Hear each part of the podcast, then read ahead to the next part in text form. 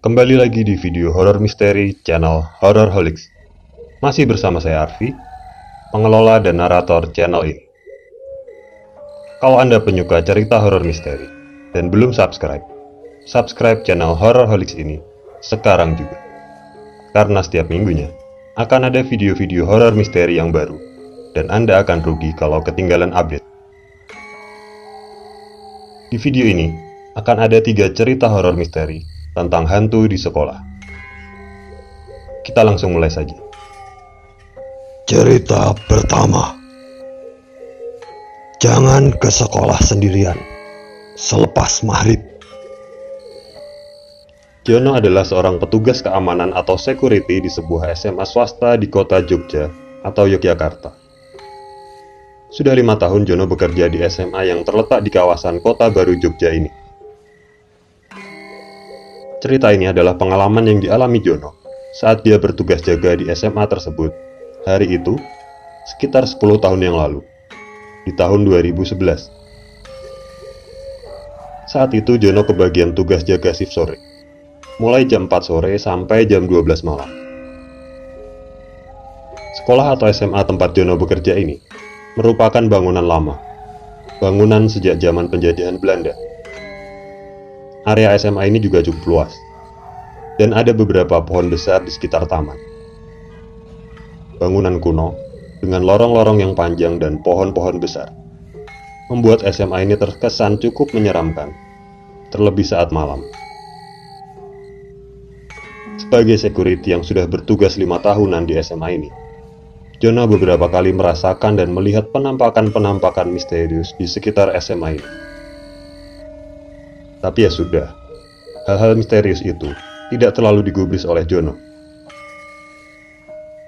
Beberapa hal misterius yang pernah dialami Jono, di antaranya adalah saat malam hari terdengar suara anak kecil berlari-lari dan tertawa-tawa di dalam ruangan kelas. Padahal malam hari, ya sudah tidak ada kegiatan belajar mengajar. Lagi pula ini kan sekolah SMA, bukan sekolah SD atau TK. Kok bisa ada suara anak kecil di dalam ruang kelas yang kosong? Pernah juga Jono melihat ada penampakan seorang perempuan dengan daster putih. Terbang melayang di lorong dan kemudian menghilang di pohon beringin yang berada di tengah taman. Jadi sosok perempuan berdaster putih itu seolah-olah seperti masuk ke dalam pohon beringin besar. Menurut cerita teman-teman security dan karyawan sekolah, Sosok itu adalah penampakan Mbak Lastri, makhluk halus atau makhluk astral, penghuni pohon beringin besar itu. Jono juga pernah melihat seorang perempuan masuk ke toilet atau kamar mandi. Dan setelah ditunggu beberapa menit, tidak keluar juga. Jono kemudian mengecek ke ruangan toilet.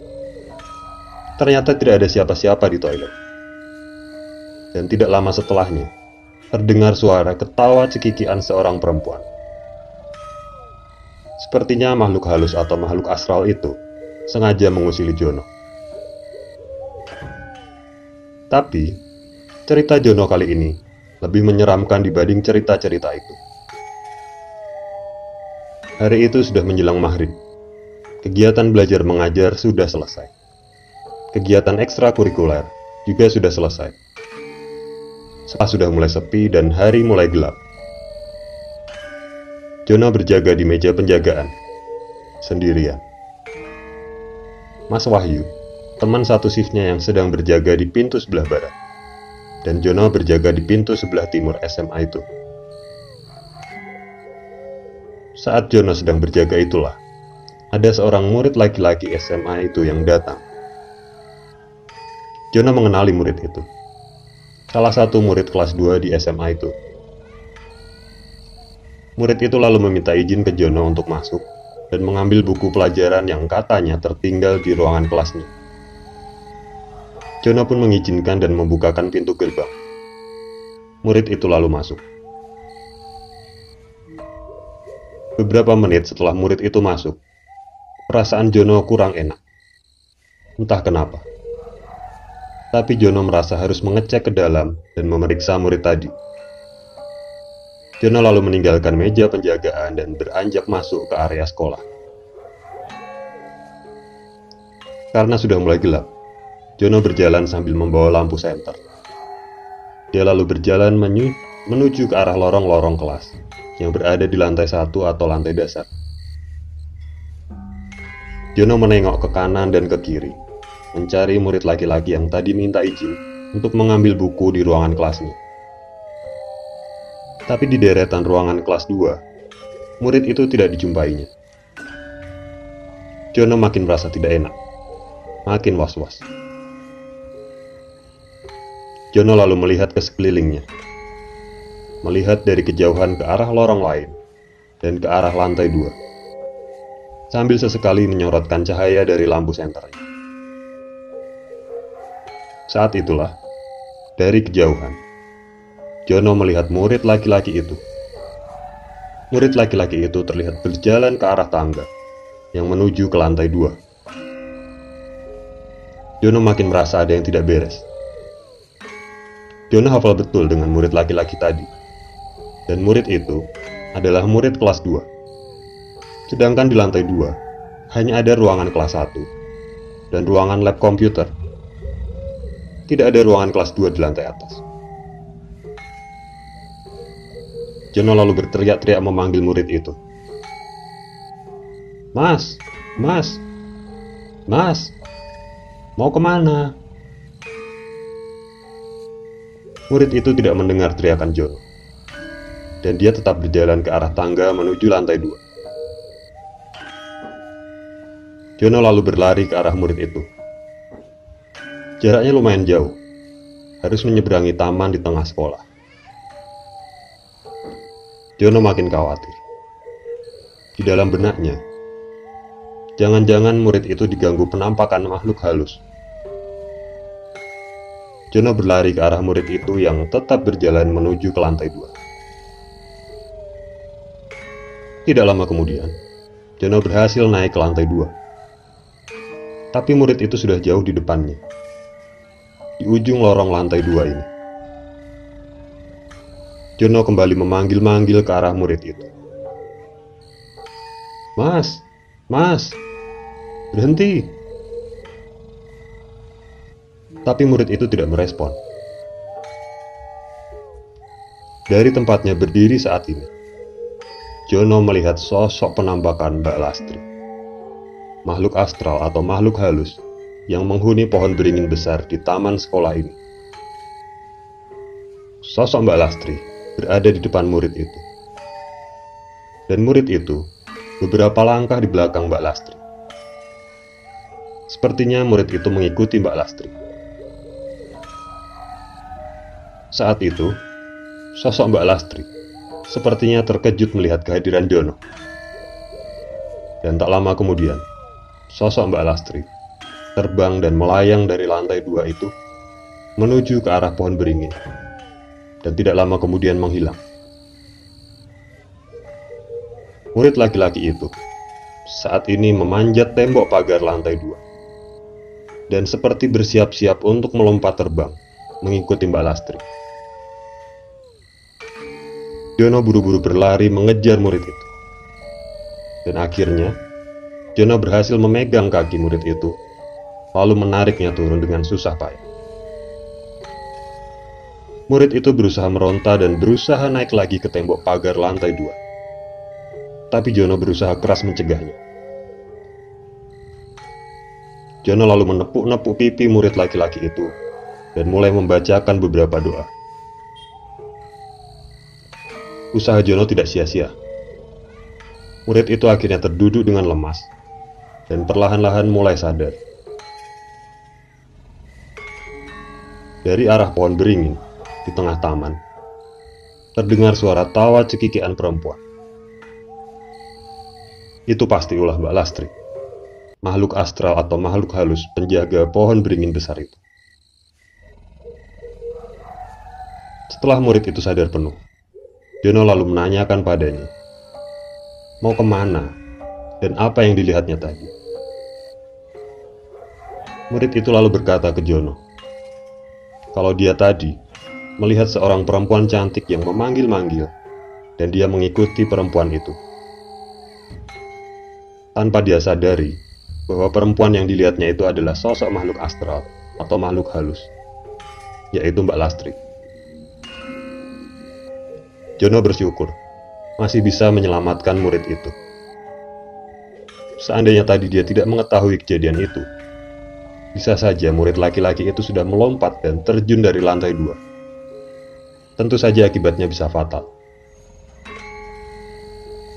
Sosok Mbak Lastri penunggu pohon beringin sekolah itu benar-benar sudah menggoda murid itu dan untungnya Jono datang tepat waktu untuk menyelamatkan murid laki-laki itu. Cerita kedua. Siapa yang masuk ke ruangan kepala sekolah tadi? Kali ini, pengalaman horor misteri yang dialami Bu Anita. Salah seorang guru di SD negeri di kota XYZ Siang itu, Bu Anita sudah selesai mengajar dan sedang berada di meja kerjanya, di ruangan guru. Di ruangan guru, hanya ada Bu Anita dan tiga orang guru lain yang sedang beristirahat di kursi meja kerja masing-masing. Bu Anita membereskan berkas-berkasnya dan memasukkan kertas-kertas dan buku-buku ke dalam tas kerjanya. Lalu bersiap-siap untuk pulang. Bu Anita lalu teringat pada sebuah berkas penting yang harus diambilnya di ruangan Pak Budi, kepala sekolah SD itu. Berkas penting itu tadi pagi dititipkan ke meja kerja Pak Budi untuk ditandatangani beliau, dan belum diambil oleh Bu Anita. Bu Anita lalu berjalan ke arah ruangan Pak Budi, kepala sekolah. Dari kejauhan, Bu Anita melihat Pak Budi keluar dari ruangan toilet dan berjalan ke arah ruangannya. Lalu masuk ke dalam ruangan itu. Bu Anita berjalan mengikuti dari kejauhan. Sesampainya di depan pintu ruangan Pak Budi, Bu Anita mengetuk pintu. Setelah beberapa saat, terdengar jawaban dari dalam. Silakan masuk, Bu Anita. Suara itu suara Pak Budi.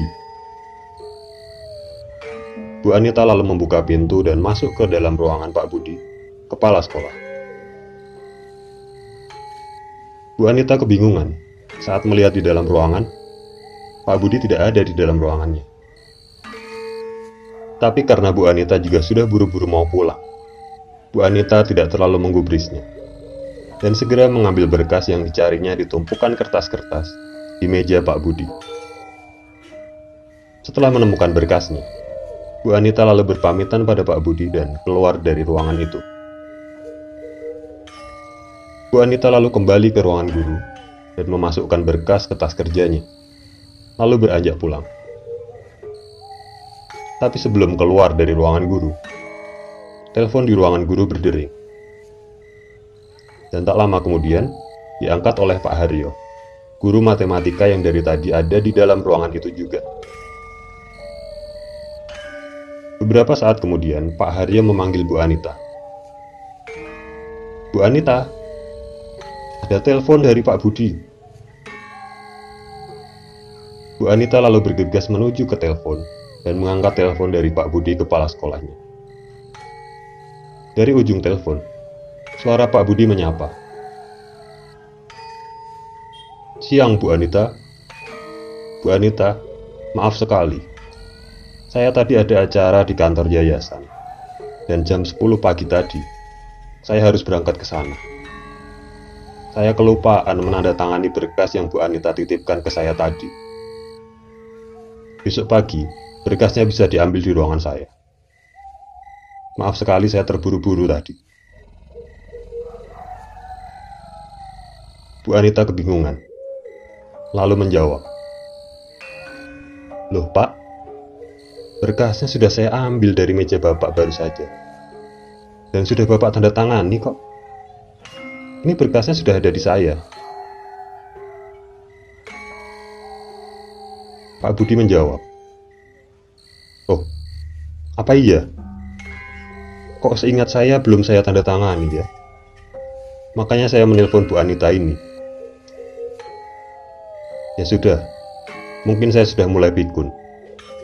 Sudah mulai tua sepertinya. Baik kalau begitu. Selamat siang Bu Anita. Pak Budi lalu menyudahi telepon itu. Dan Bu Anita nambah kebingungan. Tapi dia tidak terlalu menggubris hal itu dan pulang ke rumahnya. Malam harinya, saat Bu Anita sedang menyiapkan makan malam di rumah, ada telepon di HP-nya. HP-nya berdering. Bu Anita lalu bergegas mengangkatnya. Dan sangat terkejut setelah menerima telepon di HP-nya itu. Telepon itu dari Pak Haryo, guru matematika, yang mengabarkan berita duka. Pak Budi, kepala sekolah SD mereka, meninggal dunia setelah mengalami kecelakaan lalu lintas dalam perjalanan pulang ke rumah. Pak Budi meninggal dunia sekitar 30 menit yang lalu, atau sekitar jam setengah delapan malam. Setelah menutup telepon dari Pak Haryo, Bu Anita segera membaca-baca doa untuk arwah Pak Budi, kepala sekolahnya yang meninggal dunia. Bu Anita rasanya sulit untuk percaya kabar itu. Tapi yang mengabarkan berita duka itu adalah Pak Haryo, yang tentunya kebenaran beritanya juga tidak dapat diragukan. Sudah pasti benar. Padahal baru siang tadi, Bu Anita berbicara di telepon dengan Pak Budi kepala sekolah. Lalu pertanyaannya, siapa yang Bu Anita lihat masuk ke ruangan Pak Budi tadi siang? saat Bu Anita mau mengambil berkas di ruangan Pak Budi. Dan ternyata, Pak Budi tidak ada di dalam ruangan itu. Bahkan beberapa menit setelahnya, Bu Anita menerima telepon dari Pak Budi yang mengatakan kalau sejak jam 10 pagi, Pak Budi sudah tidak ada di ruangan. Dan malam harinya, ada berita duka meninggalnya Pak Budi karena kecelakaan di jalan. apakah yang dilihat oleh Bu Anita tadi siang dan menandatangani berkas adalah sosok Korin, Pak Budi. Hanya Allah yang bisa menjawabnya. Cerita ketiga Suara tangisan di toilet sekolah Vina adalah murid di salah satu SMA di kota EGZ dan pengalaman cerita ini adalah pengalamannya saat masih duduk di kelas 2 SMA. Siang itu, saat pelajaran bahasa Inggris di kelasnya, perut Vina terasa sedikit mules, dan dia merasa ingin buang air besar atau BAB. Vina lalu meminta izin oleh gurunya untuk ke toilet. Perjalanan dari kelasnya ke toilet yang terletak di ujung lorong biasa saja. Walaupun lorong itu memang sepi, karena murid-murid sedang berada di dalam kelas masing-masing. Vina akhirnya masuk ke salah satu bilik di ruangan toilet itu dan melakukan aktivitas BAB. Saat itu, toilet terasa sepi sekali. Tidak ada orang lain sepertinya di bilik-bilik lain. Vina pun bisa berkonsentrasi untuk BAB dengan nyaman. Beberapa menit, Vina berada di dalam biliknya. Tiba-tiba Vina mencium bau aneh. Bukan aroma toilet seperti biasanya, tapi seperti bau anyir darah. Bau anyir darah ini tercium kuat sekali. Vina berusaha cuek saja dan tetap berkonsentrasi menuntaskan BAB-nya. Tidak lama kemudian, Vina mendengar suara yang mengganggu konsentrasi. Vina lalu mencoba memfokuskan pendengaran. Suara itu terdengar lirih, tapi makin lama makin terdengar jelas olehnya. Suara tangisan anak kecil. Vina mulai merasa bingung. Kok bisa ada suara tangisan anak kecil di sekolah SMA. Tapi Vina berusaha berpikiran positif. Mungkin saja itu suara tangisan salah satu anak dari guru di sekolahnya yang diajak ke sana. Suara tangisan itu terus terdengar. Suara anak laki-laki yang sedang menangis. Vina berusaha tetap tenang dan melanjutkan konsentrasi BAB-nya. Beberapa saat kemudian, ada suara ketukan di pintu bilik toiletnya. Suara ketukan itu terdengar beberapa kali. Vina terdiam. Dia tidak menjawab ketukan di pintunya itu. Tapi suara ketukan itu terdengar lagi. Orang yang berada di luar biliknya mengetuk lagi. Vina lalu berusaha mengintip dari celah bawah pintu bilik toiletnya. Tidak terlihat kaki orang yang mengetuk pintu. Begitu juga dengan suara tangisan anak kecil itu. Masih terdengar juga. Orang itu mengetuk pintu bilik Vina lagi. Vina mulai habis kesabaran dan menjawab orang itu. Siapa ya? Bilik ini baru dipakai. Kalau mau pakai bilik lainnya saja. Tidak ada jawaban dari luar bilik. Vina pun akhirnya selesai BAB dan berberes-beres, lalu bersiap-siap keluar dari bilik toilet. Suara tangisan anak kecil itu masih terdengar saat Vina keluar dari biliknya. Karena penasaran, Vina lalu mencoba mengecek ke bilik-bilik di sebelah mencari tahu suara tangisan siapa yang sedari tadi terdengar. Ada empat bilik di ruangan toilet ini. Salah satunya yang tadi digunakan Vina. Vina lalu mengecek ketiga bilik lainnya. Tidak ada siapa-siapa di tiga bilik toilet lainnya. Semuanya kosong, dan pintunya juga semua terbuka. Vina mulai bingung Lalu suara tangisan siapa tadi? Dan siapa juga yang tadi beberapa kali mengetuk pintu biliknya? Dan bau anyir darah tadi, dari mana asalnya? Vina lalu membalikkan badan dan akan beranjak keluar dari ruangan toilet untuk kembali ke ruangan kelasnya. Saat membalikkan badan itulah, Vina terkejut. Di depannya, sudah berdiri seorang anak kecil laki-laki. Usia anak itu kira-kira 9 tahun, dan tingginya sekitar 1 meter. Entah kapan dan dari mana datangnya anak kecil itu. Kok tiba-tiba sudah ada di depannya, pikir. Anak kecil itu diam saja. Dia hanya memandangi Vina yang masih kebingungan. Sorot mata anak kecil itu tajam dan terasa menyeramkan. Tapi dia diam saja. Vina berusaha mengatur nafas dan menenangkan diri. Lalu bertanya ke anak kecil itu. Kamu siapa? Nyari siapa, dek? Anak kecil itu masih memandangi Vina. Dan beberapa saat kemudian, Anak kecil itu tersenyum, lalu berkata,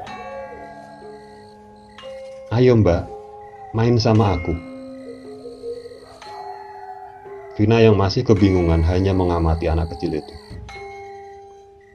Anak kecil itu lalu berjalan ke arah pintu toilet dan menghilang.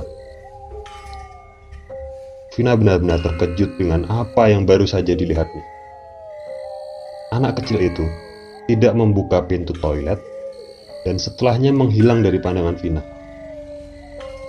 Anak kecil itu menembus pintu toilet. Vina lalu merasa badannya terasa sangat lemas dan pandangannya mulai gelap. Vina terjatuh pingsan tak sadarkan diri di dalam ruangan toilet itu. Ketika Vina sadar, dirinya sudah berada di tempat tidur di ruangan klinik sekolahnya.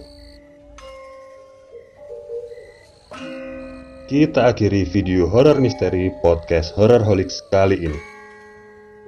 Dan untuk Anda horror lovers, kalau Anda mempunyai cerita horor misteri yang ingin dibuatkan video podcast di channel Horror Holics ini, silakan hubungi nomor WA yang tertera di deskripsi video.